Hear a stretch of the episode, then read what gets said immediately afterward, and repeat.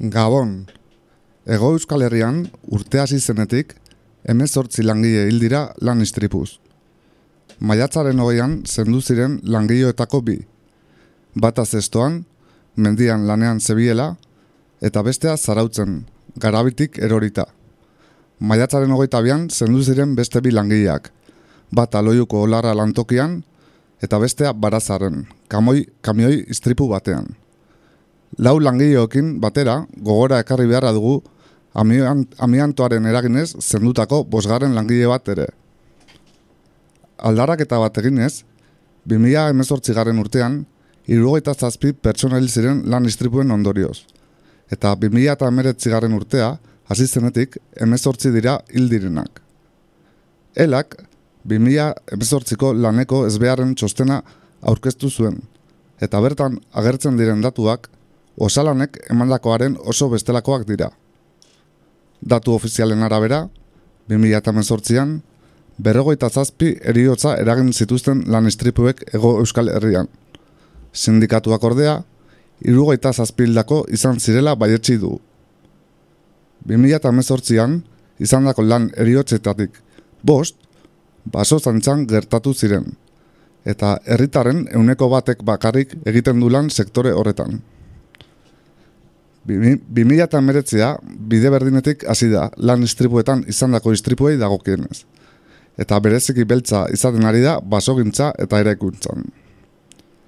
Bestalde, globorentzako lanean ari zen hogeita bi urteko langilea, aurreko larun bat gauean hil zen Bartzelonan. Kamioi batek harrapatu ostean. Globora, globorako lan egiten duten raiderrek, lan baldintza prekarioetan eta inolako babesi gabe lan egiten dutela salatu dute.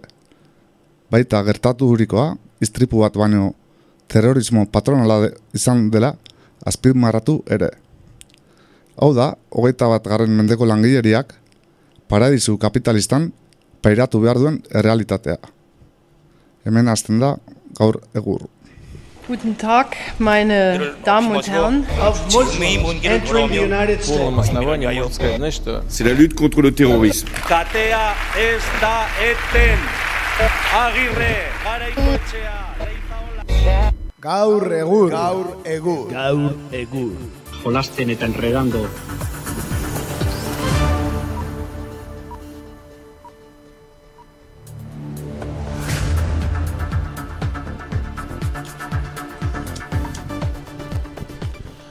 Arratxaldeon entzule, arratxaldeon denoi, gaur ekainaren irua dugu, e, kaineko lehen irratxaioa eta denboraldiko azkenetakoa. E, ja gutxi geratzen zaizkigu, baina hemen gaude fin fin astelenarekin kajaintzonako estudioetan, e, guraldi bikaineko arratsaldea eta ba, zuei irratxaio bikain bat eskaintzeko gogotxu. Eh? Ongi etorri bioi? Kaixo gabon. Kaixo gabon den hori. Eta ba, besterik gabe gaurkoan e, globo aerostatikoan bidaiatzeko prest, ezta? Hala dirudi, e, gaurko gaia globoak izango direlakoan, ezta? E, zuzenean guazen ez? Arira, ezta? Hoixo era. Venga ba, bertan gaurrekin hasiko gara.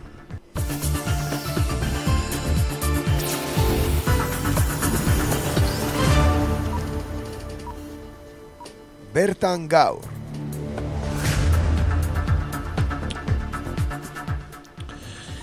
Izan ere gaurkoan e, ba, globo bezalako enpreseta zarituko gara e, aitzakia tartza tartuz ba, eta bi urteko langile bat hiltzela lehen aipatu dugun modura aurreko larun batean Bartzelonan, eh? maietzaren hogeita bostean e, ba, e, aurreko egunean ez da, e, nola da, refleksio jornada jardunaldia o eguna, o ez? refleksio egunean bertan, ba, ba errepideetan e, globo garroi enpresa multinazionalaren zat lanean ari zela, ba, bai legintzen hogeita bi urteko langile bat, eta hori aitzakiatzat hartu dugu, ba, benetan e, gauza hauei hitz egiteko, zeren enpresa haue lotxagabetasuna eta eta eskubide langileen eskubideen urraketa benetan e, adierazgarria dalako. Eta ba, suminak lankideen protesta eragin zuen e, enpresaren egointzaren aurrean bertan, Eta ba, Globo eta Delibero moduko enpresetako langilea ba, prekaritatearen aurpegi bilakatu zaizkigu azken gara hauetan. Eta langileen eskuide gabeziaren aurkako ahotsak gero eta ugariagoak dira. Autonomo faltsua gara eta gure lanaren esklabo bihurtzen gara. Autonomo kuota ordaintzeko alik eta lan gehien egitera eramaten gaitu eta horrek presioa handitzen du. Non eta oso arriskutsua den eremu batean. Errepida, nain zuzen.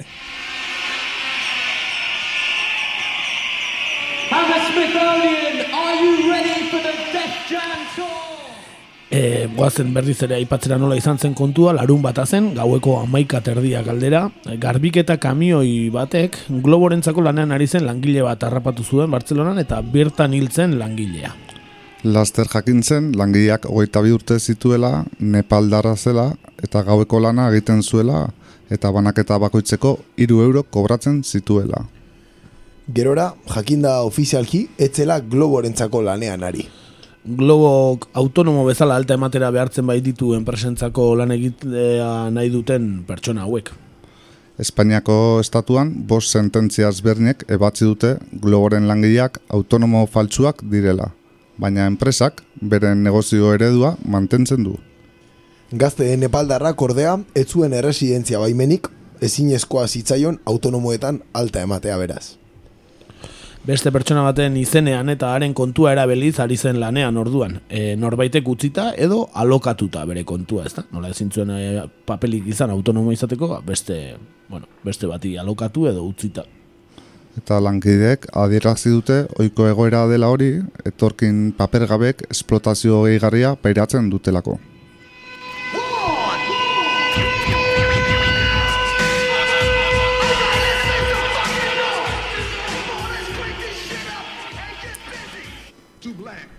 Gertatutakoaren arira, hainbat protesta e, izan ziren, e, Bartzelonan eta baita Bilbon ere. E, igandean bertan, hilako geita zeian, e, hauteskunde egunean, gaztearen lankidek protesta egin zuten Bartzelonako globoren egoitza horrean esan bezala. Lankidea prekaritateak eta globoren lan ereduak hildutela salatu zuten, horrelako ezbeharra ematea ba, denbora kontua zela azpimarratuz. Eta hildakoaren omenezko loreak utzi, laneko bizikletekin errepidea moztu eta globoren hainbat motxilei zu eman zieten manifestariek. Enpresaren egoitzan sartzen ere saiatu ziren, baina eskuadra mosoek eta Espainiako poliziak ba, eragotzi egin zieten sarrera. Urrengo egunean, kalera atera ziren berriz ere Bartzelonan. Eta protestak Espainiako estatuko hainbat hirietara ere zabaldu dira. Eta Euskal Herriari dagokionez, ba, Bilbon elkarteratzeak egin zituzten, ba, astelenean bertan, eh? hauteskunde ondoren, ba, gaur zortzi. Prekaritateak hiltzen gaitu, globo nos mata, sus millones, nuestros muertos. Lerodun pankartaren atzean bildu ziren amarnaka lagun. Eta Riders por Derechos, banatzaien elkarteak, e, eraginek Bilboko gazte prekarizatuen asamblada eta globoko langiek deitu dute protesta.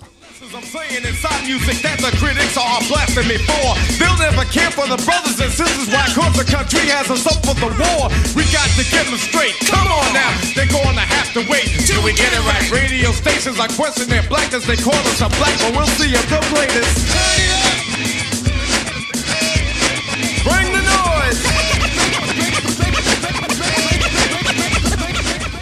Beno, eta gure entzule askok agian jakingo dute zer den globo, baina agian beste batzu ba, ez dute jakingo zer den globo enpresa eta zertara dedikatzen diren, ba, bertako langileak, ez da? E, aipatu 2000 eta amabostean sortu zela globo, orain lau urte eskaz, eta garraio enpresa bat dela. Bai, Globo telefonoan deskargatu daiteken aplikazioa da.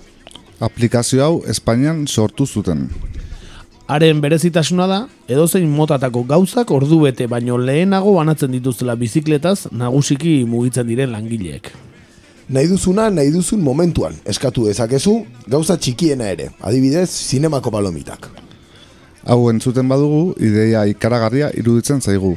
Honekin dena asmatuta dago. Nahi duzuna, behar duzuna, telefonoaren bitarter, lor, lor dezakezu, klik eginez. Ez zara etxetik mugitu behar, ez duzu zertan ipurdia mugitu, ba momentu horretan jan nahi duzun donutxa jateko, adibidez, telefono hartu eta kitxo. Hasiera hasieratik mundu osoan barreiatzeari ekin dio eta ainazkarra izan da edapena, ezen oraindik ezin izan dugun behar bezala aztertu gure bizitzetan izan duen eragina. Enpresak darabiltzan negozio eredua eta marketing estrategia Ameriketako estatu batuetako Silicon Valleyn Beste erraldoi teknologikoek garatu eta perfekzionatu dituzte. Google, Uber eta Facebooken kasu. Guri bezero bezala kolorez pintatzen diguten aplikazio polita hau, eta bere funtzionamendua, baina ez gara konturatzen atzean ba, sortzen den esplotazioaz. Bai, plataforma berri hauek, enpresaren eta langileen arteko harreman eredu berria ezarri dute, baita gizartarekiko lotura ere. Eta esan dezakegu argi eta garbi globo prekaritatearen eta lan baldintza kaskarren adibide perfektua dela. Globoko langileek soldata kaskara bai daukate. Langile gehienak, bizikletan ibiltzen dira alde batetik bestera, motxila handi bat e, hartuta sorbaldan, eta bizikleta ez du ez da enpresa jartzen, eh? E, bakoitza jarri behar du, eta eta bere bizitza bilatu. Beren burua jendartetik kanpo kokatzeko privilegioa lortu dute, eta hala, inor gutxiri onartzen zaizkion jokabideak etxeko marka bihurtu dituzte. Zergak ez ordaintzea, lan baldintza duinak ez bermatzea, eta oroar bere langileek egunerokoan egiten dutenarekiko ardurarik ez hartzea bere gain. Dinamika honek, ba, ondorio oso arriskutsuak eragin ditu, adibidez, AEB-etan, ez, Amerikako estatu batuetan. Egoera distopikoa sortu dute, non langileen eskubiderik oinarrizkoenak amets bilakatu dituzten eta muturreko esplotazioa arau. I'm the epitome of public enemy. Used, abused without clues. I refuse to blow a fuse. They even had it on the news. Don't believe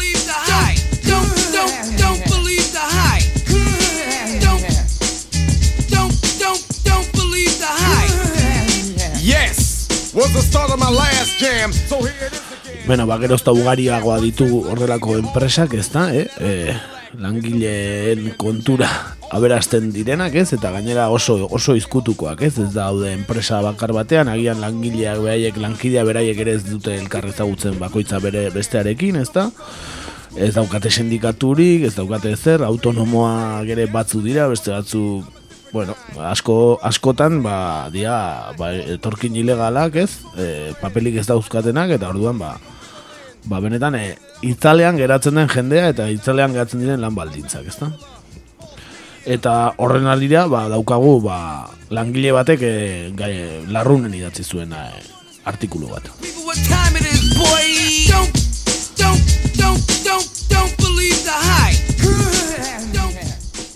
Bai, eta esan bezala, Paul Janok eh, argi aldizkariko larun gehigar, gehigarrian publikatu du globori buruzko ikerketa. Eh, globorentzat lan egit, egiten egon ondoren.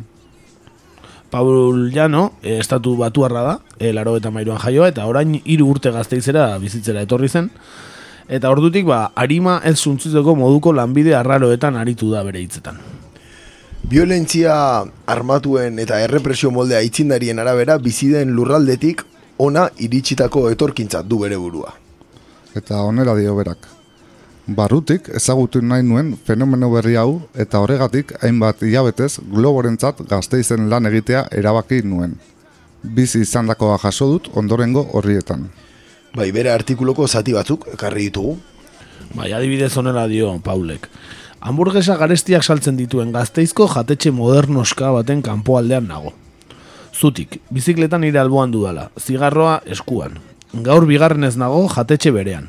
Sakeleko telefonoaren erlojuari behin eta berriz begiratzen diot. Tik-tak, tik-tak. Minutu bakoitzeko, bost zentimo ordaintzen dizkidate, eta dagoeneko ordu bete daramat itxaroten. Sukaldetik poltsa marroi batean e, pare bat hamburguesa atera dizkidate, eta lan honetan gustoko dudan gauza bakarrari ekin diot. Bizikletaz, abiadura arriskutsuz, irian barna ibiltzea. Lanaldia bukatu ondoren, gutxi gora berako kalkuluak egin ditut. Lanean izan naizen berreun minutuetatik, irurogeita mar baino ez ditut jardun nire zeregin nagusian. Alegia, bizikletaz ibiltzen, eta bezeroarekin harremantzen. Eunda lau minutu janariaren zain eman ditut. Horixe bihurtu baita, glogo konpainarentzat egiten dudan lanaren zariti, zatirik garrantzitsuena. Zain egotea. Now here's what I want you all to do for me. don't believe, don't, don't, don't believe the hype. Don't believe, don't, don't, don't believe the hype. I got flavor in all those things you know. Yeah, boy, part two bum rush the show.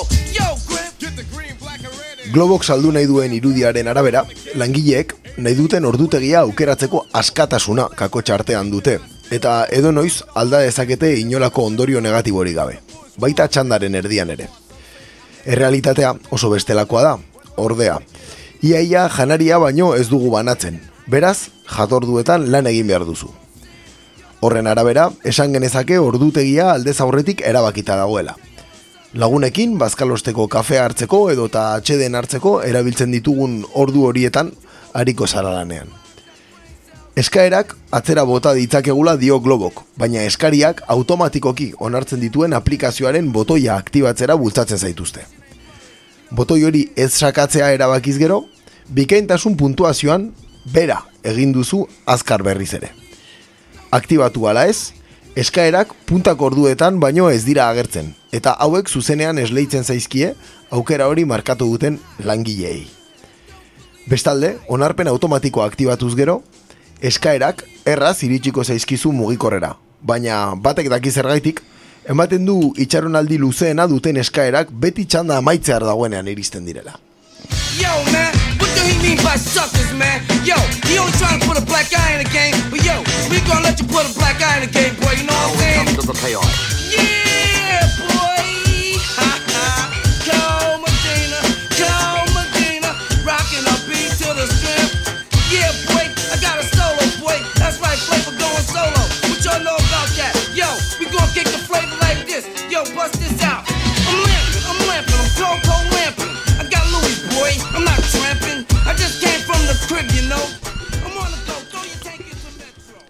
Bizikleta zibiltzean daukadan gogo bizia deskribatzea Globo enpresaren alde egitearekin naz liteke. Globok, Deliveruk eta mota horretako gainerako enpresek lan baldintza prekarioak zuritu ohi dituzte argudio honekin. Langileak dibertitu egiten dira. Arazoa zuzen hemen datza. Hau ez da jobia, lana baizik. Zaletasunen eta beharren arteko nasketa arriskutsua dau. Lan ordaindua, gustatu ala ez, hori baino ez da. Sos batzuk lortzearen truke, eskaintzen dugun denbora.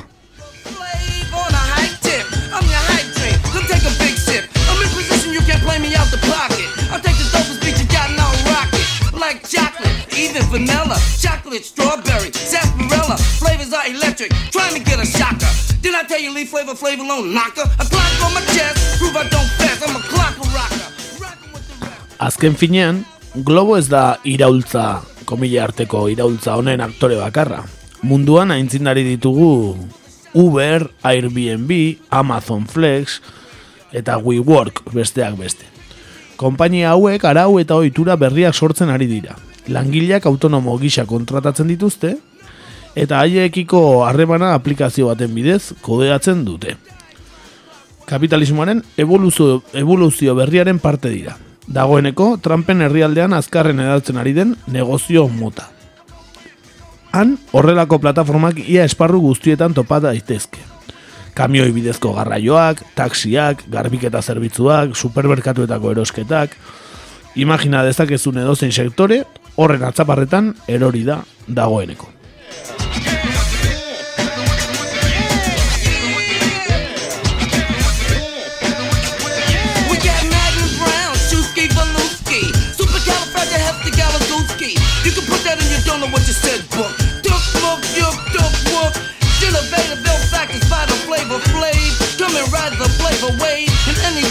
Any given day. What a brother know what do flavors say? Why do the record play that way? Prime time merrily in the day. Right now this radio station is busy. Brain audibly whizzy. Honey, Langileok globorekin dugun harremana erabat asimetrikoa dela garbi ikusten da. Ezin dugu giza baliabide saieko arduradunen bulegora zuzenean jo, ez da horrelakorik existitzen eta. Arazoak posta elektroniko helbide baten bitartez kudeatzen dira eta enpresak eskaintzen duen arduradun bakarrak astean sei ordu baino ez ditu ematen lan horretan. Gauean, euripean eta bakarrik botata egoten gara. Mugikorreko, txat motel eta inutila lagun bakarra dugula. Eskaera kopuruaren arabera ordaintzen digutenez, eta ez ordu kopuruaren arabera, konpainiak ez du galerarik izaten aplikazioak funtzionatzen ez badu. Bezeroaren helbidea aurkitzeko ezinezkoa suertatzen bada edota janaria prestatzen denbora luzea ematen badute.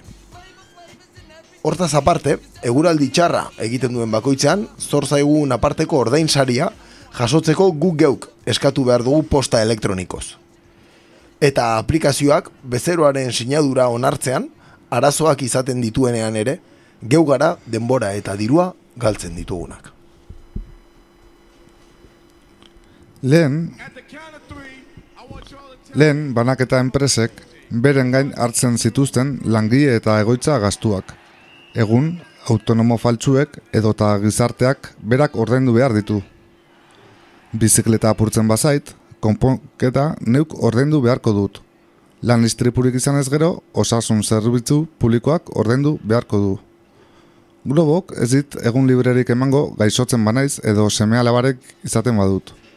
Orokorrean, janaria leku batetik bestera garraiatzeko prozesuaren kostu guztiak kanporatu ditu globok modu eraginkorrean. Aplikazioa, zerbitzari informatikoak eta ondo burutu- burututako bidalketak baino ez ditu ordaintzen. Kostuak langileentzat edo gizartearentzat. Etekinak globok baino ez ditu jasoko.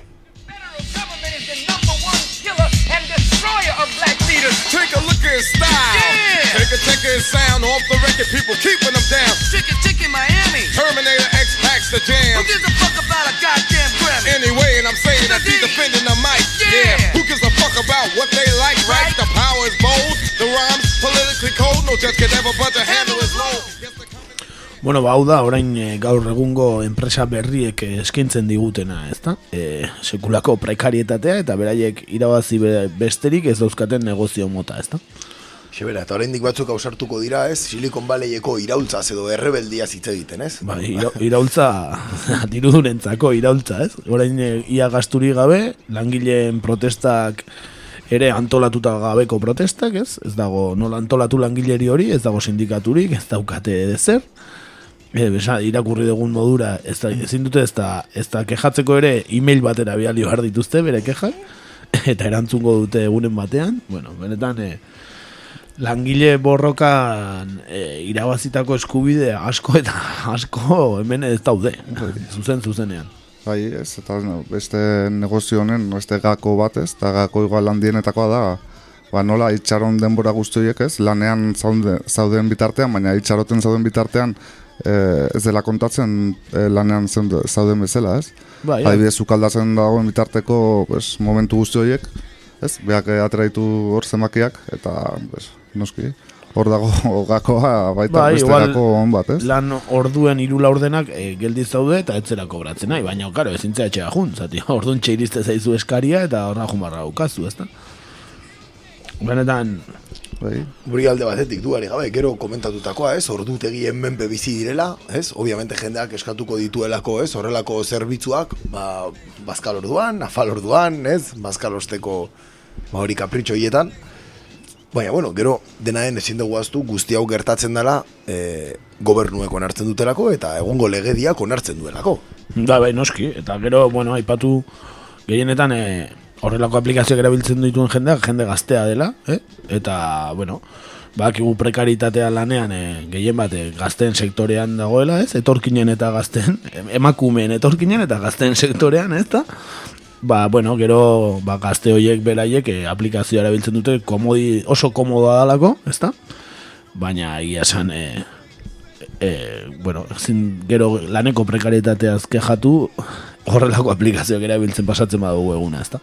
Zalantzari gabe, bai, hor ez dago gauza, ez, eh, etikoki ez dago argudio handirik, ez, hau justifikatu dezakenik, de hecho gure herrietan ere existitzen dira, ez, ez globo bezalako zerbitzuak, baina ez bai, hemen globo ez da iritsi oraindik, baina bai ez, eh, kate edo multinazionalen kate horietakoak, ez, etxera banatzen dutenak, eta Bai, bai, aipatu aste honetan bertan, uste Zaragozan egon dela protestak egon dira, kasu honetan zen telepitzaren gatik, baina telepitzari, telepitzako langilei edo banatzailei gehitu zaizkie globoko langileak eta abar eta abar, ba, danak ere antzeko lan mota daukatelako eta, antzeko lan baldintzetan eh, lan egiten dutelako. Eta adibidez, esan dago telepizza badaukagu, ez, hemen. zalantzari gabe, ez, eta baldintzak ez dira asko zobeagoak, ez, hemen planteatzen direnak baina asko zobeagoak.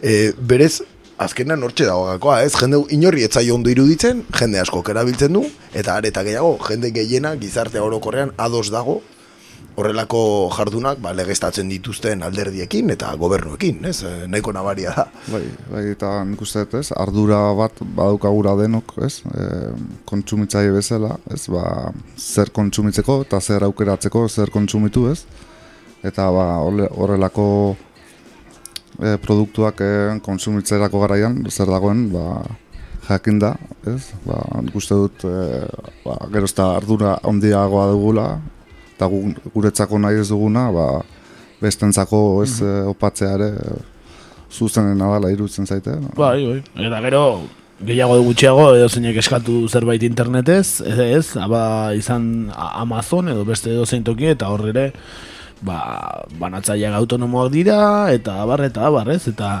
gauza bate bai hemen aipatu duguna, eta oso garrantzitsua dana dala e, puntuazioa, ez, bezeroen puntuazioa, ez da? Hori hauek denak erabiltzen dute, ba gero zure soldataren eh, ez, proportzioan dalako soldatarekin emandako bozka. Orduan, eh, eh, ba, jende asko eskariak egin, eta gainera, ba, ez dakit, eh, berandu iritsi delako, edo, ez, edo zer gauzatik segituan bozka txarra ematen diona, ez da? Ino, eh, inolaz ere, pentsatuz, kontu guztia dala bere, bere iritzia bakarrik, ez bere iritzi emateko eskubidea eta asko ez da konturatzen e, ematen ari den puntuazio horrek e, ba, ondorioak dituela langile horren e, lan baldintzetan eta soldatan, ez da? Zalantzare gabe, azkenean, bai, bai, guzti hau, ez dakit, orain dela urte batzuk, ez, sekula ez genuke pentsatuko, ez, hau iritsiko zenik, eta azkenean hemen iritsi da, ez, ba, neoliberalismoaren aurpegi, ez dakit, muturrekoena, ez? Bai, basatena. Bai, zuk esan dezun bezala ez, bikaintasunaren puntuazio hori, nik hori adibidez, bai ikusi, ja, eta zango nuke, nire herrian ere, hemen gure herrian bertan ikusi dudala, ez?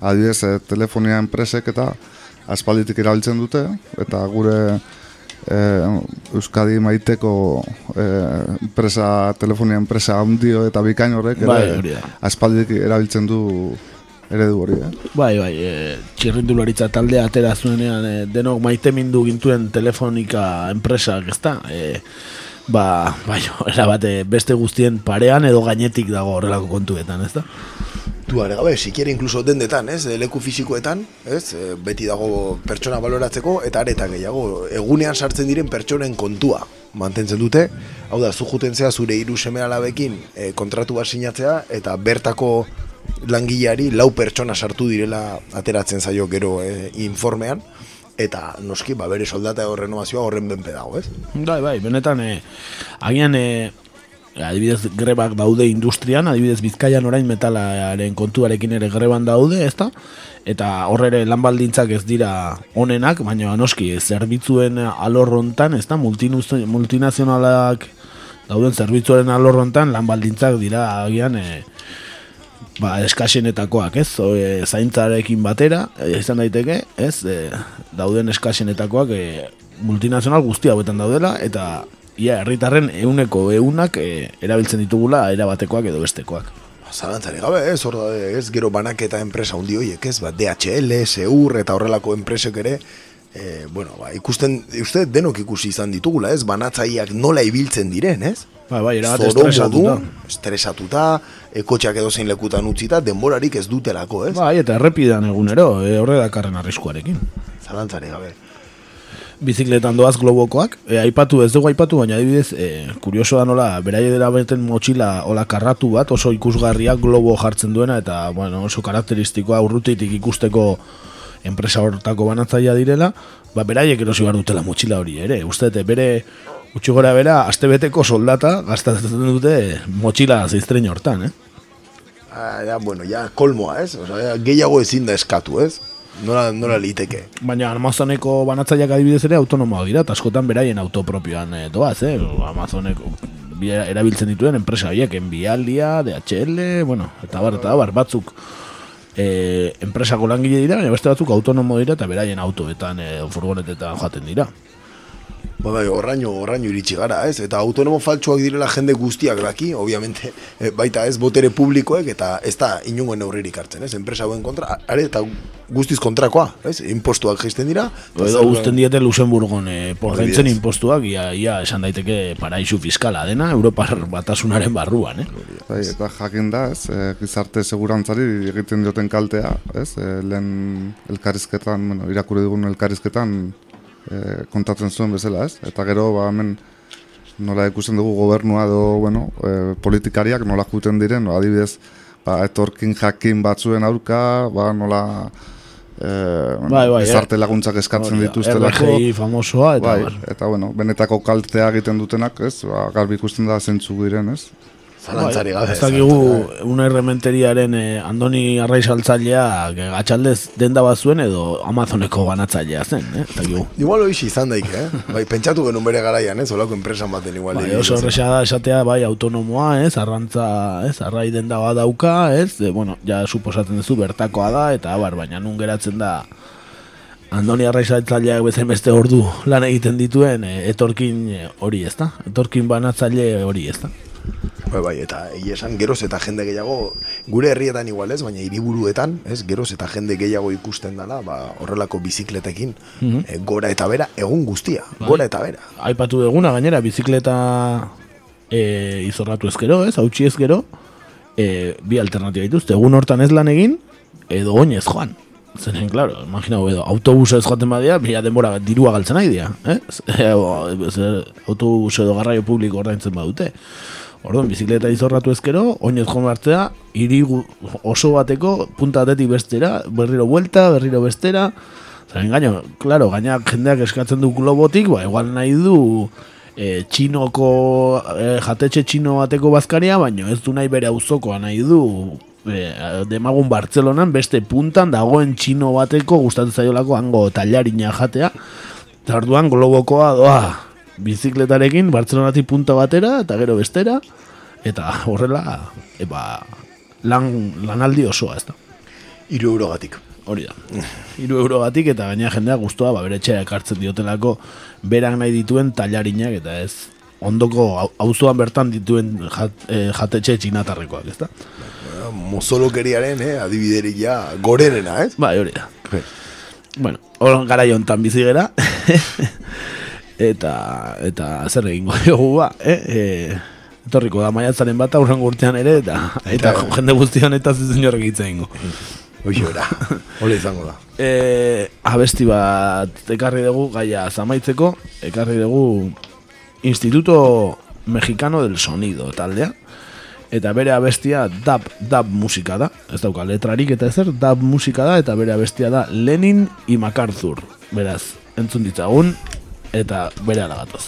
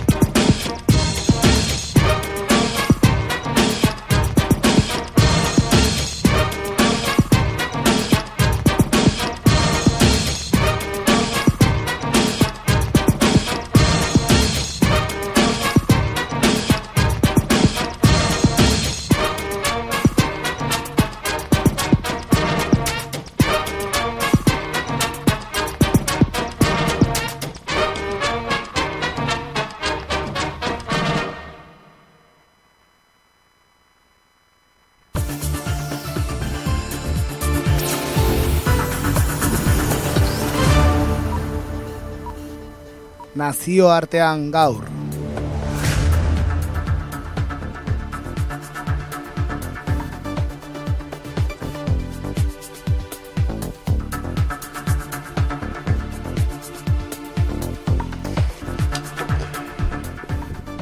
Bueno, eta nazioartean zer, ba, gaur ez gea herrialde jakin bateraino joango, eh, baizik eta herrialde asko batzen dituen erakunde batetara, denok ezagutuko duzuena. Ipar Atlantikoko itunaren erakundeaz, hobeto esan da NATO edo OTAN izenez ezagutzen dugunaz, mintzatuko gera gaurkoan, munduko aliantza militar zaharrena eta indartsuena den eh, erakunde honek, uneen asiak bizi ditu azken aldian, eta bueno, ba, bere gaur egungo egoera zein den azaltzen saiatuko gara.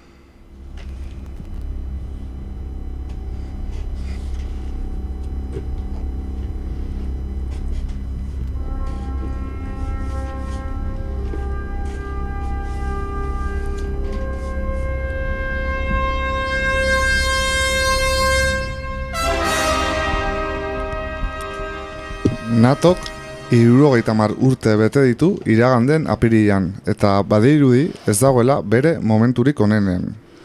Bigarren mundu gerra amaitzean, e, mila bederatzen da berrogeita bederatzean sortu zen erakunde honek, Mendebaldeko herrialden indar militarrak e, batu eta sovietar batasunen aurrean defentsa bat izatea zuen hasierako xedea. Gauzak desente aldatu diren arren, Natok bere esku hartzeak dibertsifikatu egin dituela esan genezake. Baina, azken aldian, bere barnean izandako talken arrazoi nagusia, bere finantziazio eredua izan da.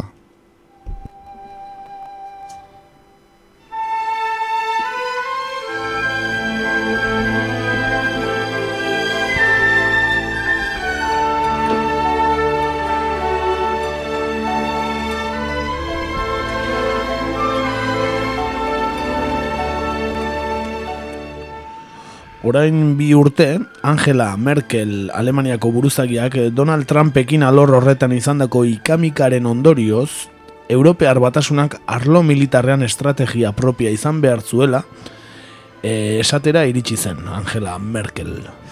Trumpek orduan Errusiak suposatzen duen mehatxua kontutan ez hartzea leporatu zion. Natok, e, bederatzen da largoita zazpi mila milioi euro sautu zituen 2018 garen urtean munduko investitze militaren euneko bergoita magosta. Ideia bat egin dezazuen entzuleok, e, kopuru honek Errusiaren aurrekontu militarra, Errusiarena, amabost aldiz biderkatzen du, eh? Ez da zenbaki makala. E, gastu neurrigabe honek igadura handia sortzen dio ekonomia estatu batuarrari, Herrialde honek jartzen baitu aurrekontuaren euneko irurogeita bederatzia. Hau da, bederatzireun eta larogeita zazpi mila milioi eurotik, seireun da larogeita lau mila jartzen dituz. Hori bakarrik, e, naton. Hori da, hori da, gero behaien Gero, aparte beraien barne gastuak ez, beraien armadaren. Hori da. Donald Trumpek bere natoko aliatuei haien barne produktuaren euneko bia erakundera bideratu de- dezatela eskatzen hasi dira tirabirak. Eskatzean hasi dira tirabirak. Gaur egun erakundeko sei herrialde bakarrik betetzen dute baldintza hori. Eta seguraski ez dira zuek pentsatzen dituzuenak. Estatu batuakek noski, Greziak, Letoniak, Lituaniak, Estoniak, Poloniak eta Erresuma batuak. Ba- bat estatu batuak, bestea bere aliatu nagusi den Erresuma batuak, eta besteak e, Sovietar batasuneko parte izan ziren e, herrialdeak, ez da. Gehi Grezia, kasualidadea ere. Oso adierazgarria da, eh? zifren kontu hau. Guzti honen arira, apiriaren lauan, Washingtonen burutu zen NATOren urtemuga ekitaldian, bere idazkari nagusia den Jens Stoltenberg Norbe Norvegiarrak, hitzartze bateratzaia egin zuen giroa lasaitzaldera. Oraingoz, herrialde Europearek eta Kanadak urrengo urteari begira ziur asko Donald Trump asetuko ez duen esfortzu bat egingo dutela jakinarazi dute. Baina bere finantziazioaz aratago, nola dago NATO gerra hotzak suposatzen zuen polarizazioa alde askotarikoa bihurtu den garai hauetan?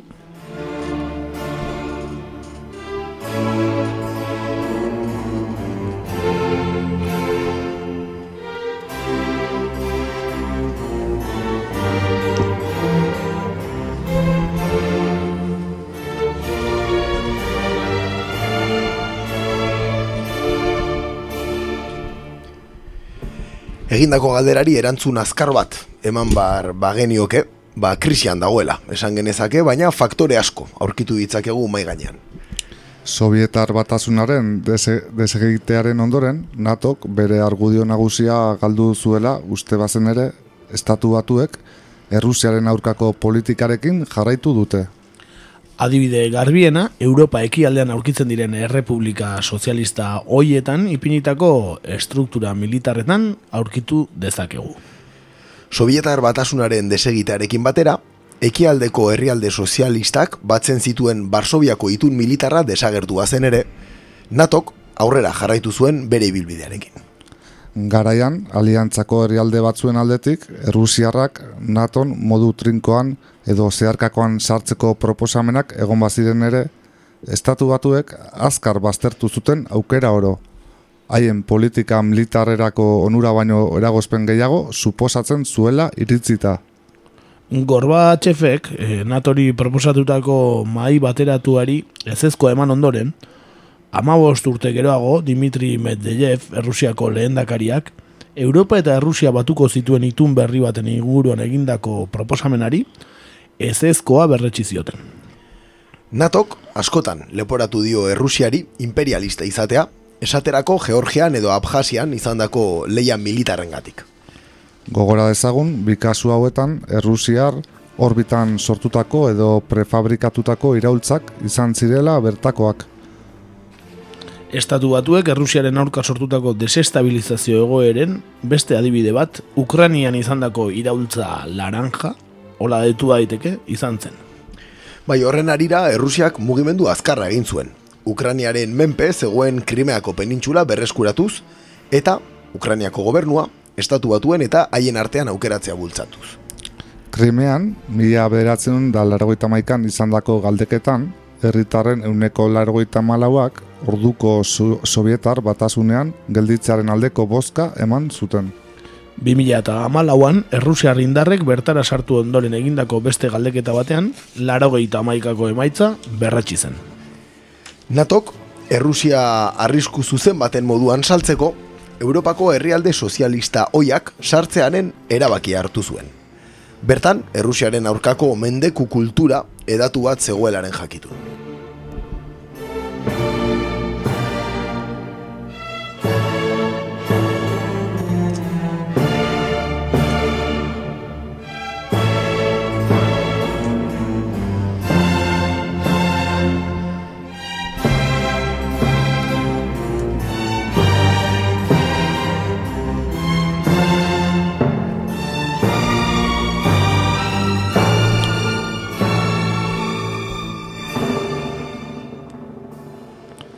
NATOren beste aulezi bat, Asian sortutako kontrapisua ere bada.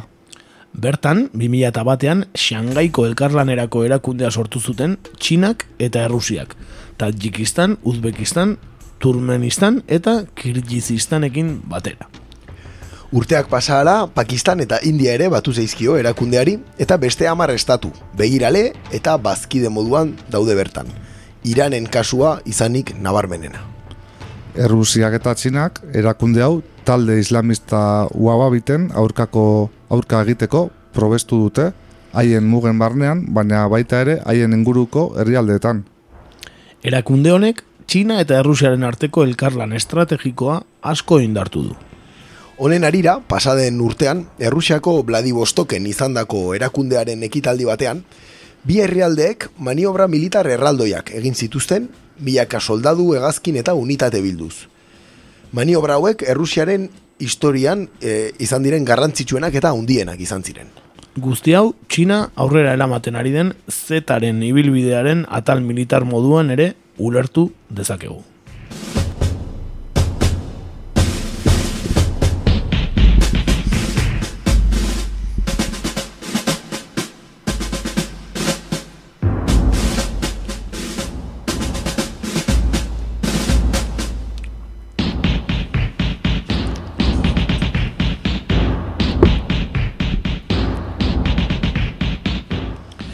Egoera horrela, badirudi NATOk, Errusia bere begipuntuan edukitzen jarraitu nahi duela, baina Txina de, aserretu gabe. Errusia zitze egitean, Atzealdean Txina dagoela gaztu du sarritan Aliantza Atlantikoak. Munduko herritarren euneko amalaua duen herrialdeak asko baldintzatu dezake beraz hemendik aurrera natoren jarduera.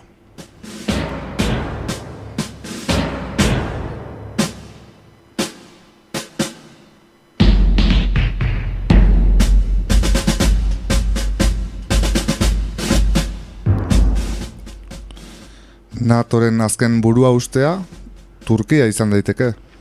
Gerra hotzak iraun zuen bitartean, Sovietar batasunarekin mugan zuen eh, herrialde gutxienetakoa izan zenak, NATOren berrogeita mar buru nuklear ditu, inzirlikeko egoitza militarrean. Dena den, azken aldian Donald Trump eta Recep Tayyip Erdoganen arteko harremanak gaiztotu egin dira. Bai, alde batetik Turkiak Siriako gerran parte hartzea erabaki izana dago, bestetik, estatu batuek kurduekin izandako aliantza militar estrategikoa, Erdoganek onartu ezin dezakena. Eta hori gutxi balitz, Turkiak Errusiari S-lareun misiak erosten jarraitzen dizkio. Trumpen aserrerako.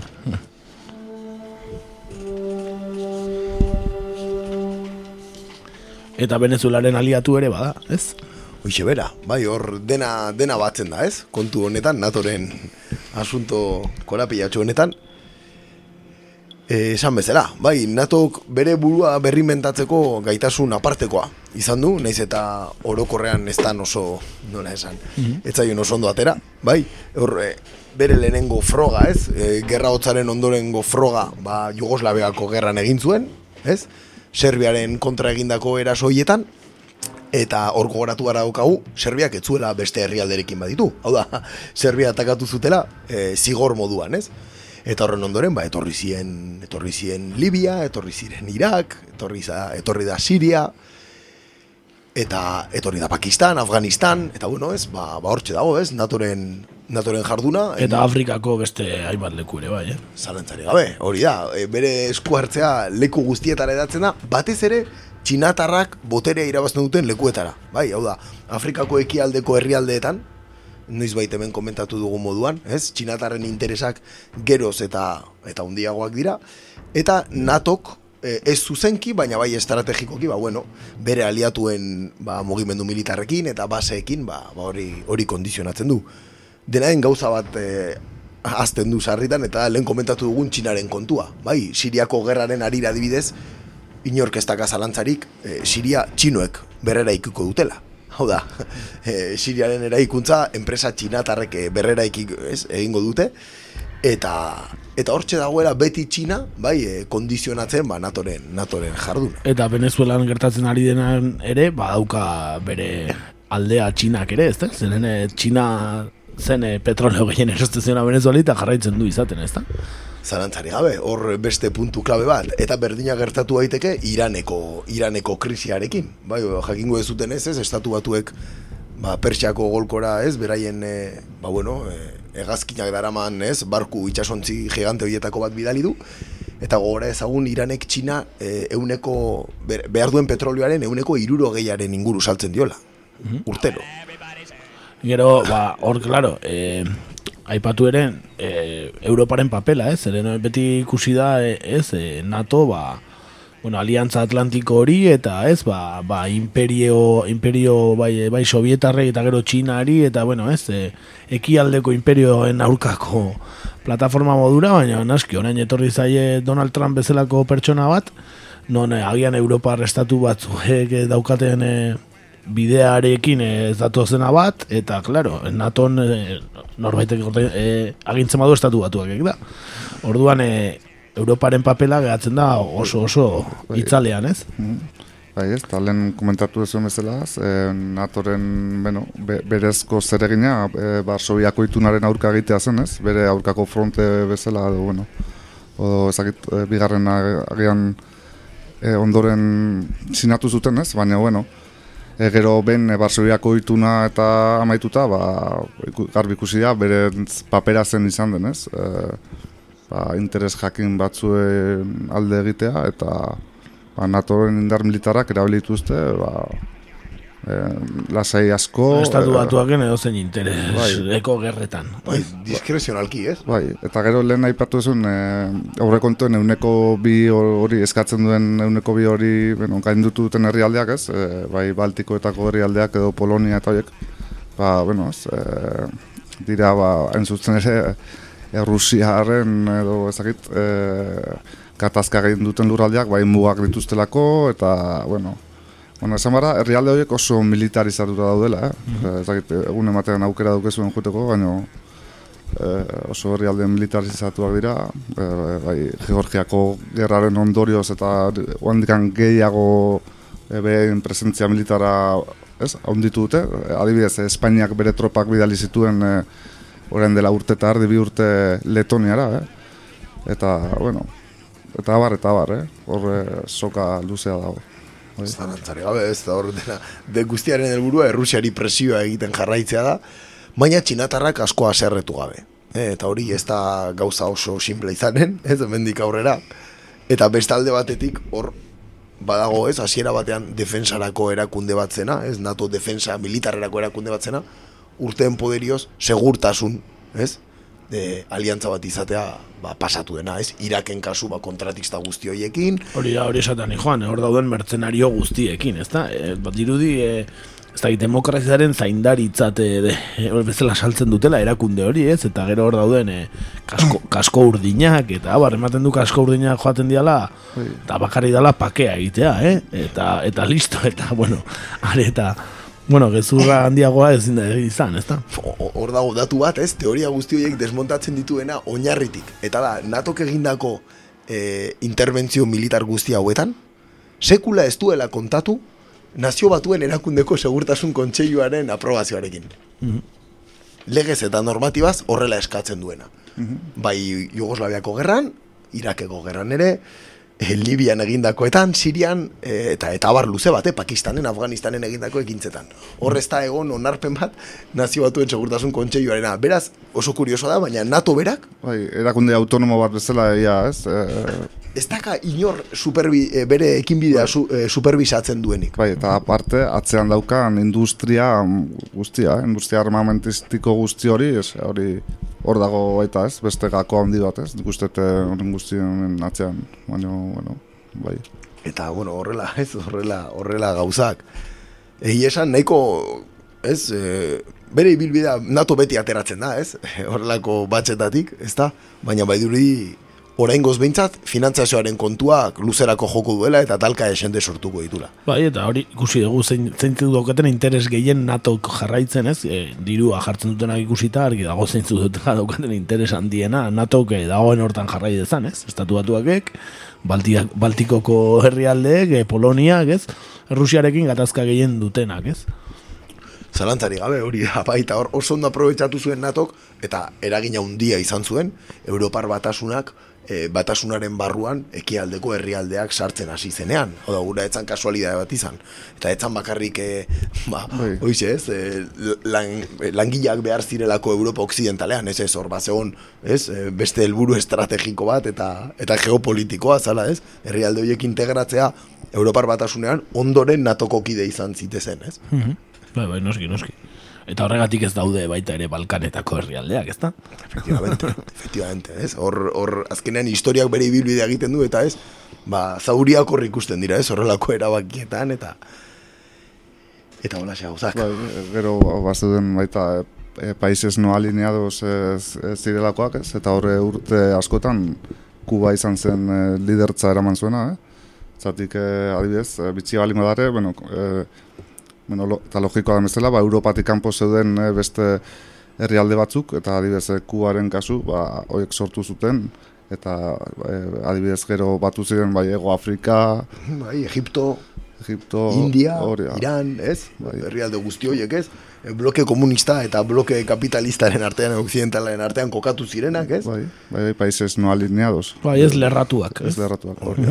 Eta egia da, Shangaiko itun hori ere nik uste dudala pixkat e, hor, ez? Eskua hor sartzea ere bazuela helburuetako bat, ez? Hor, Errusia eta Txina e, ba, bueno, horren buru izan da ere, ez? Beste herrialde batzu konbentzitu dituztela, e, behintzat hor parte hartu dezaten.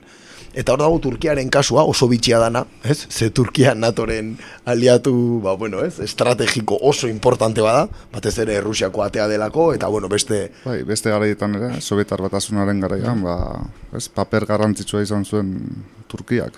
Zalantzari gabe, ez? Beraien koka, bere kokapenagatik, baina baita ere interes ekonomikoengatik, ez? Hor dago zetaren e, ibilbide hortan, ez da? O- ez? Eta kuriosoa balima da ere, Turkia, natoren aliatu trinko bat izanik, begirale moduan dago Sangaiko itunean. Hau da, begirale moduan ere parte hartzen du beste aldeko itun Bai, horretan. Horrek buruko mina emango dio baita estatu batu diala. Bai, buruko min estatuatu eta Turkiarrei ba, berme bat, behintzat txinoekin eta errusiarrekin ez hausteko ere, ez, ez? Behar dituztelako, ez? Bai, bai, noski, naiz eta gero e, Sirian e, horribili, ez dakigu zaintzanekin ia ia. Hori da, ez? Siriakoa da, bai, bai. Naste borraste handi bat, ez? Bale, ba horixe, abestitxo bat ekarri dugu atal honekin ere amaitzeko, ia bederatziak lau gutxi dira, beraz, denboraz bikain gabiltza gaurkoan, eta ekarri dugu, ba, ba musikari ezberdinen arteko kolaborazio bat, ezta? Betartean daude gure hain gustoko diren Amaduet Marian, baita gure hain gustoko den Tiken Ja Fakoli, baita Manu Chao ere, abesti bikaina, berez Amaduet Marianen uste dela, ezta? Bai, bai, behaien, ez, e, Jimo Sabamako edo ez, e, horretakoa, eta politika maini deitzen da, bai. Ba, hortxe abesti bikaina hau eta bueltan gatoz.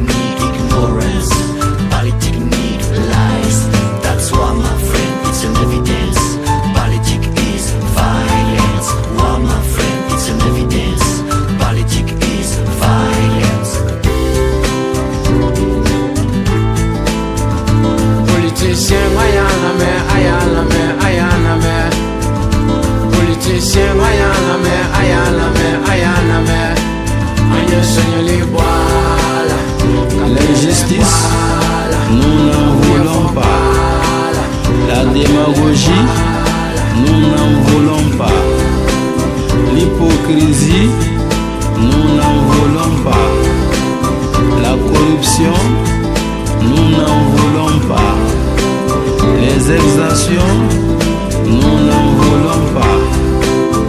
Nous voulons des hommes honnêtes. Nous voulons des hommes intègres.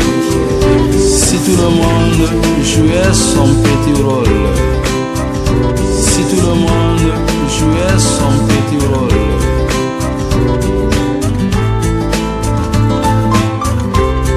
nous voulons bonheur, du bonheur pour tout le monde.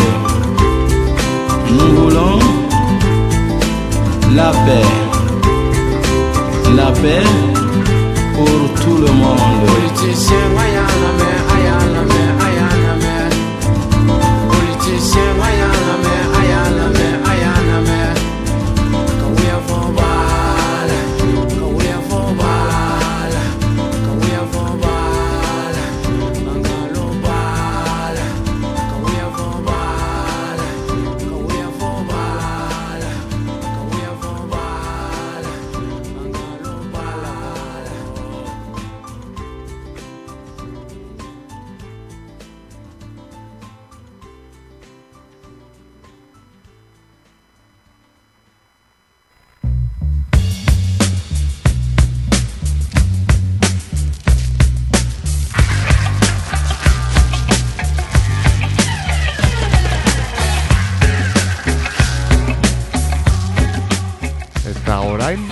Efemerideak.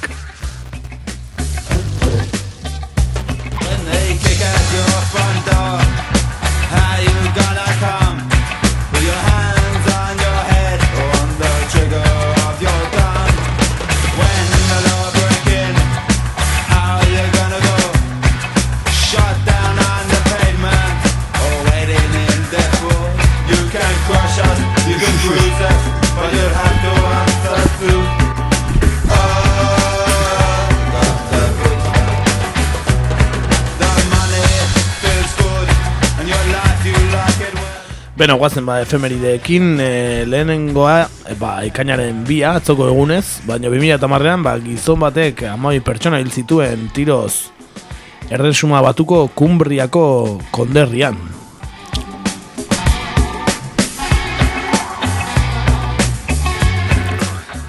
Egun berdinean, baina 2008an Jo- Juan Carlos lehenengoa Espainiakoak abdikatu egin zuen. Eta baina erretiro oso hartu du, ezta? Eh? Merezitakoa da. Bai, bai, la- lan asko egindako gizona. Zalantzari gabe. Benetan, elefanteak akatzen, gehiena beak.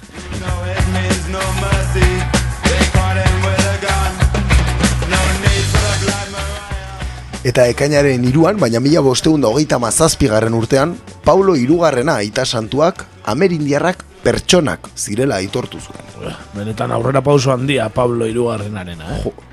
Eskerrak, ordura arte etzean pertsonak, eh?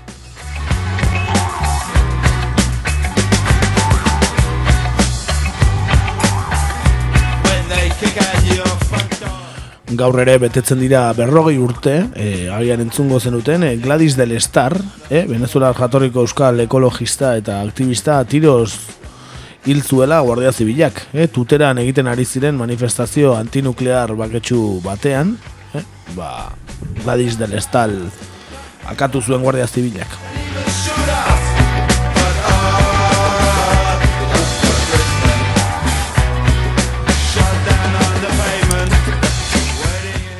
Eta ekainaren bostean, baina mila bederatzen da laragoita mezortzian, ertzaintzak ina, ina zeberio etakidea hil zuen Gernikako etxe bizitza batean. Ba, gaur omenaldia egin diete etak e, eraildako ertzainen e, familiei. Ertzainak eraildakoei ez diete egin.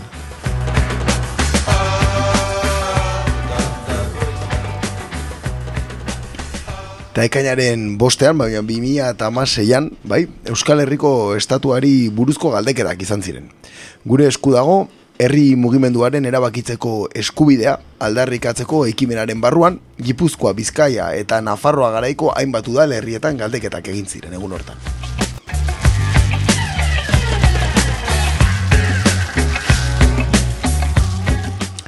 ekainaren seian, ba, mila bederatzen da berrogeita lauean, ba, bigarren mundu gerran, ez da? Ba, bigarren mundu gerrako E eguna, ez? E, eunda berrogeita mar mila gudari aliatu, ba, Normandiako ondartzetan le, ba, lehorreratu ziren, ez da? Bere, e, bueno, lehorreratzen saiatuko ziren berrota hor mila, baina, bueno, benetan... E, Iritsi ezak ezen bat iritsi ziren. Guda gogorra izan zen, eh? Arraskia.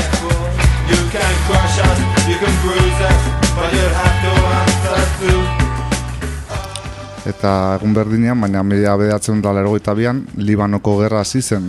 Israelgo armadak, Ariel Sharon, defentsa ministroaren agindupean, Libano egoaldea inbaditu zuen, Beirut, hiribururaino iritsiz.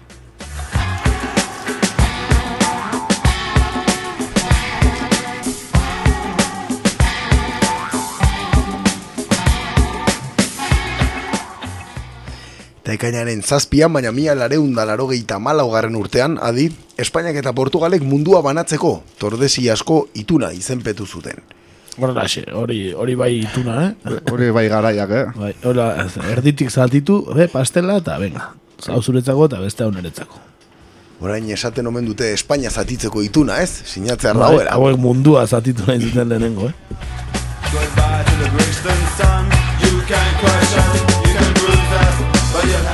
Egun berean, baina mila seireun da berrogeian, segalari talde baten eta gaztelar soldadu batzuen arteko istilu txiki batek, e, ba, korpus de sang piztu zuen, ezta?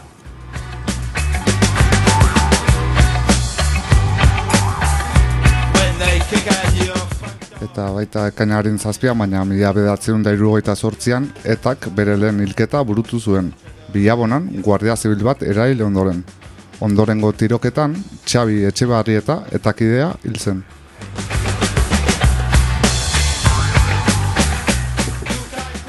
Kasu hontan, ba omen dago e, Xabi Etxebarrietari, ez? E, omenaldi bat e, deituta, bai? E, Tolosako bentaundiko, ez? E, paraje hortan. Bai, horrera hil zuten, ezta? Bai, ba, Eh, zuzen. noiz, e, datorren... E, Larun batean, okerrez banao. Mhm. Berez eguna e, eguna da ostirala, berez. Bai, ez dakit, agian larun batean egingo dute. Beno, ba hemen txe oneraino efemerideak eta guazen sare sozialekin.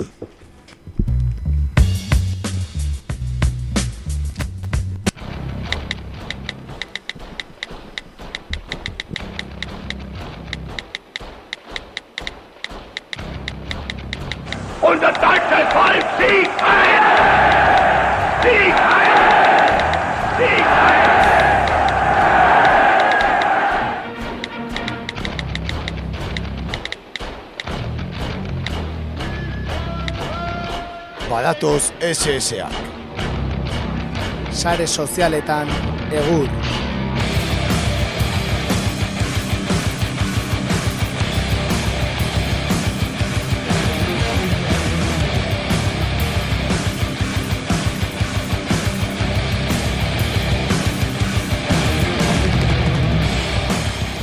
Beno, hemen daude sare sozialak eta gaurkoan ba, aurreko asteburuko hauteskunde utzitakoekin jarraituko dugu. Kasu honetan gai bakarra, izan ere agian gehien hitz egiten de, ari den eh, kontua da Nafarroako gobernua eta Iruñeako alkatetza, ezta? E, nahiko argi dago Iruñeakoan ere ustez, baina hala ere bastante joku mediateko ematen ari da. Eta ba, ezagutzen ez baduzue, zuekin maite esporrin. La confianza.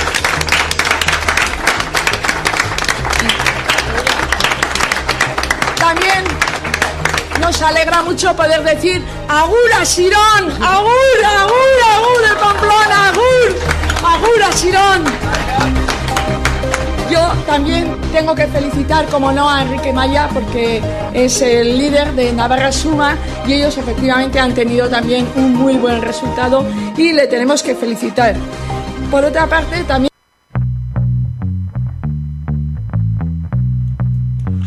Ba, hortxe, e, maite esporrin, ez badakizue, e, ba, alderdi sozialistaren, Nafarroko alderdi sozialistaren Iruñako alkate gaia, ezta? Eta agian alkate izango dena, baina ez dago bat ere argi, eta bere agurrak eta zorionak entzun eta gero, ba, niretzako areta gargiago, zein izango den Iruñako alkatea, baina bueno, gero hor e, ferrazetik eta bar, ba, bestelako asko gertatzen ari da, ezta? E, hala ere, hauteskundea baino lehen Aitor Balbasek ja argi utzi zigun sare sozialetan, e, zein zen hautagai bakoitza, ezta? Alde batetik zegoen Enrique Maia, ez? E, Navarra subakoa eta arkitektoa da. Beste alde batetik Joseba Siron, e, ba, berak dio pro, profesor en un colegio privado de élite, orduan irakaslea da eskola pribatu batean, de élite, ez dakigu zein. Adibidez, e, Edurne Egino, e, gobernu, Napar gobernuko teknikaria da, Andoni Romeo, e, ekonomia solidariokoa mila batzen batzitik, hola jartzen do, e, eta gero daude, Itziar Gomez, gero abaiko e, hautagaia eta gure maite esporrin, gaurko protagonista, eta hoi buruz esaten du 20 años viviendo de la política, hori da bere, aurkezpen e, papela, ez da, maite esporrin jena. Carta de presentación. ez da? Hori da. Hala ere, gehiago behitu dugu, eta Maria Teresa esporrin, laseras, maite, baino da Maria Teresaren e, diminutiboa, eh? ez da maite berez. Ba, logroño jaio zen, e, ba, milatzen da horretan meretzian, eta Nafar politikaria eta erizaina. E, Nafarroko alderdi sozialistako partaidea eta gaur egun ba, Iruñako udaleko talde sozialistaren bozera maila da eta alkate gaia izan da. Esan Logroñon jaioaren Iruñan bizi izan dela ba, zortzi urtetatik eta haren gurasoak eta familia ba, Iruñarra direla. Ezkondu dago eta hori dena. Erizaintzan diplomatua da eta laro gehitik Nafarroako Unibertsitate Klinikan erradiologia zerbitzuan lan egiten du, baina bueno, hoi urtetik ona ez du lan gehiagirik egin nan. PSN eta PSOen aliatu zen laro eta emezortzian, eta udal batza iruindarreko kidea izateko aukeraztua izan zen, baina laro eta emeretzi 2002 legen, e, eta hurrengo guztietan errepikatu du. Eh? E, Iruñeko PSNeko iriko batzarko kidea izan da, eta horixe, danetan izan da, ba, ba, kontzejala, eta horrentan alkate gaia entzun duguna, ezta? Eta bueno, ba, Iruña jendeak ez dio aprezio gehiagirik dirudien, ez, eh? Adibidez, Miguel Choc esatezun, que alguien con la clarividencia y dotes de Sporrin haya sacado ese resultado dice mucho del efecto Sánchez. Alde batetik. Beste batek, si hay un incendio en una casa y tienes que entrar y elegir si salvar a Maite Sporrin o un bote de nocilla, ¿cuál elegirías? ¿La de uno o la de dos colores? hau, hau, benetan, eh, benetan eh, ez duela gehiagin maite, eh? Gure maite.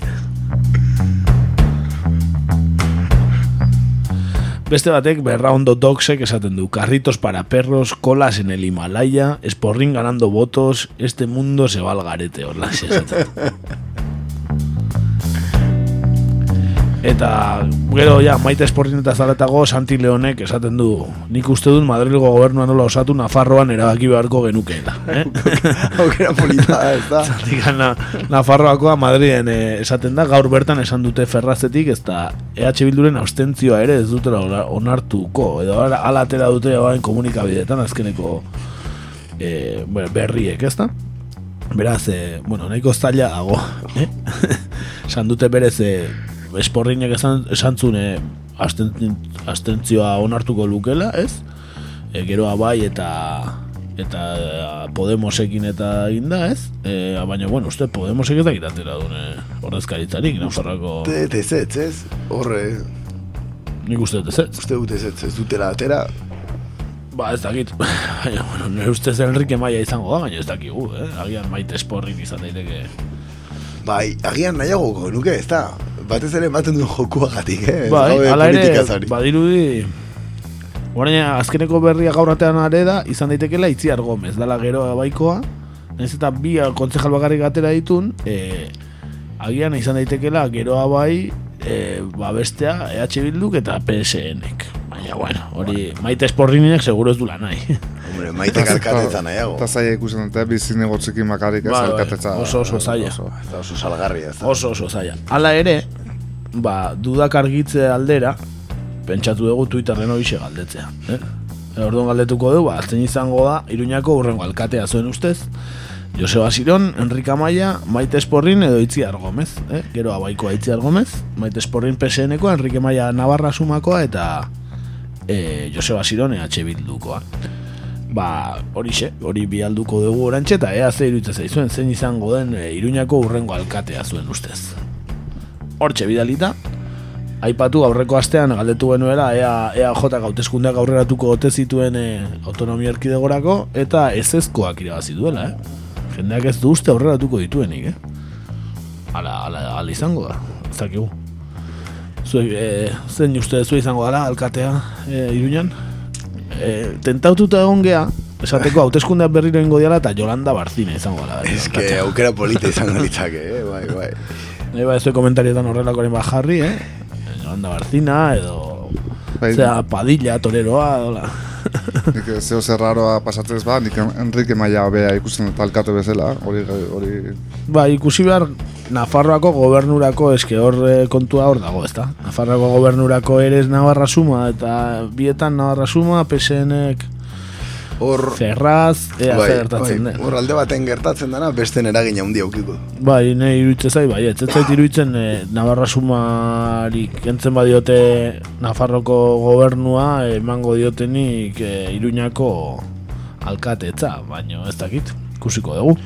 Ikusi beharko, ping-pong partia nola bukatzen den. Hori da gure entzuleak soberanoak dira eta beraiek jakin deza, eh, jakingo dute zer bozkatu. Eh? Eta gure entzuleak direnez, beti dute arrazoia. Eta ga- gauza bat komentatzea harren bakarrik, eh, esporrinek eh, politika berria oain dela hogei urte egin zuen jada, ez? Zatik, eh, laragoita mezortzean afiliatu zen eta laragoita meretzean ja eserluku bat zeukan, Bai. lege- legebiltzarrean. Bai, bai. Eta dut, eh, gaurko politika orain dela hogei urte egiten zuen. Bai, bai. Hori da, bai, aurreratua, eh? Benetan, Aurreratua, bai. aurreratua. Aspaldin berritu zuen politika maite esporrinek, ez da? Bai, bai. Ez dakit kontu datu zate, baina pixkat RMGa ere bada, eh? Beraz, eh, bauka Enkantua. kutsua, eh? Bere enkantua, bai. E, ba hori xe, e, geneuzkanak sare sozialetarako, baina irutzen zaigun esporrinekin bakarrik gutxi zela, eta orduan e, Winston birakatxari esan diogu e, bidaltzeko zeo zer, mesedez. Zen, e, aspaldi ez daukagu bere berririk, eta mesedez Winstonek, aber, aber zer esan behar zigun, e, ba, nariñoko e, departamentuaz, ezta? Bai, bekezkatuta genden, eh? azken berriak ez ziren oso onak, eta, bueno, hortxe genden, ez? Hauek ere ez, eh?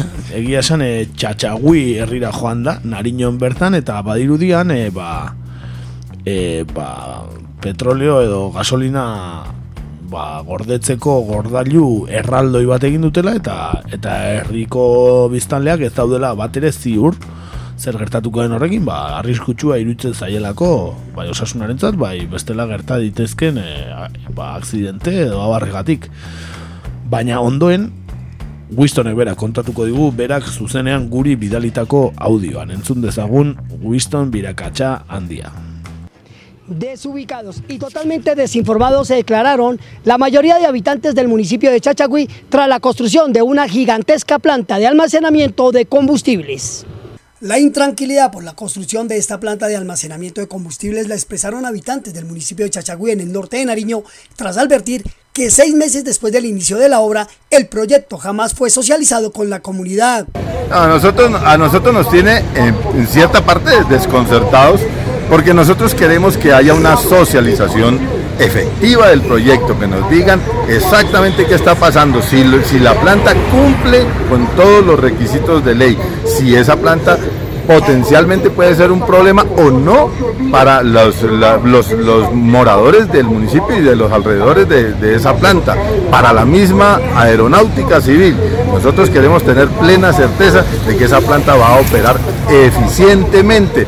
Ellos dicen sentirse desinformados y desubicados porque según Alberto Caicedo, residente en la zona y reconocido dirigente político y comunitario, no saben a ciencia cierta si esa planta es o no, al parecer, altamente contaminante y perjudicial para la salud de quienes viven en esa zona del municipio de Chachagüí. Pues eso es lo que quisiéramos saber. Eso es lo que nosotros quisiéramos que no sucediera, pero que nos socialicen bien el proyecto, que nos digan a nosotros efectivamente si esa planta, funcionando como está, se constituye o no en un problema social. Pero hoy por hoy estamos desinformados y seguramente en algunos casos desubicados, porque no sabemos si eso es positivo o es negativo para el municipio. En Pasto, Winston Viracachapaba, Noticias RPTV. Berriz ere bikain e, gure Winston laguna, ez da, orain honetan e, kombustiblea gordetzen duen e, planta handi hornik buruz, eta ikusi dezu bezala, jende dago desubikado eta totalmente desinformado, eh? E, eta izan dezaken arriskua gatik, ez da? Bai, noski, noski, holako biltegi erraldoi bat, eh? etxen guruan edukitzea, eta z- barruan zer dagoen jakin gabe, ba, Nabarmen du nahiko nuke, beti Winston eh, arazoaren muinera juten dara beti, eh? Hor, eh, arazoa non Winstonan, ez? Osea, Bai, bai, beti bai. dago, ez? Horatxe bertan, txatxaguin egon da. Txatxaguin Nariñoko departamentuan, Costa Paz Defense, eta hor, ez? Bere... eta herriaren ahotsa, eh? kartzen digula. Bai, bai. Benetan bikain beti ere Winston, ea, Beti bezain eraginkor eta zuzen. eh, ea hartuko ditugun oporraldi luze hauetan, e, Nariño aldean, e, pasto bisitatzeko aukera daukagun, eta gure Winston maitea arekin egoteko, eh? Zarantzari hau, hemendik berri ere, ba, mi esker Winstoni, eh, bere kolaborazioaren gatik. Bai, bai, benetan bikaina da. Eta, ba, besarka bat Winston, eta ea denboraldia amaitu horretik berriro zurekin egoteko aukera daukagun. E, besterik gabe, e, amaiera itxi gara Winstonekin, eh? benetan e, puntu gorenean e, bukatzen da gure irratsaioa gaurkoan. Eta ez errez, datorren astean e, hemen izango gara, ekainaren amarrean, hemen izango gara, eta ez da azken irratsaioa izango, baino ezk- azkena izatetik gertu, eh? Bai, bai hortxe gaudeia denboraldia amaitzear, eta, bueno, balana ondo bukatzen saiatu gara aurrengo astetik. Hori da, saiatuko gara ondo bukatzen, denboraldi bikain hau, eta ba besterik ez, datorren astean entzungo garela, entzule, eta mila esker horregoteagatik. Hori da, urrengo arte eta gaizto gizan. Hori da, abesti bat ekarri dugu amaitzeko, eta da dut talde bikainaren ez jakintasunaren kanteak suntxitu, abestiaren e, bersio bat, e, Broken Brothers Brass Band, e, Iruña nola esporrin eta zaritu genen, ba, Iruñako talde bikaina, Brass Band bikaina New Orleanseko ba, dauden e, kaleko banda hauek eta dira brass bandak eta behaien e, bersio bikaina hau ez jakintasunaren kateak suntxitu. Datorren astera arte. Agur. Ondo izan. Agur. You.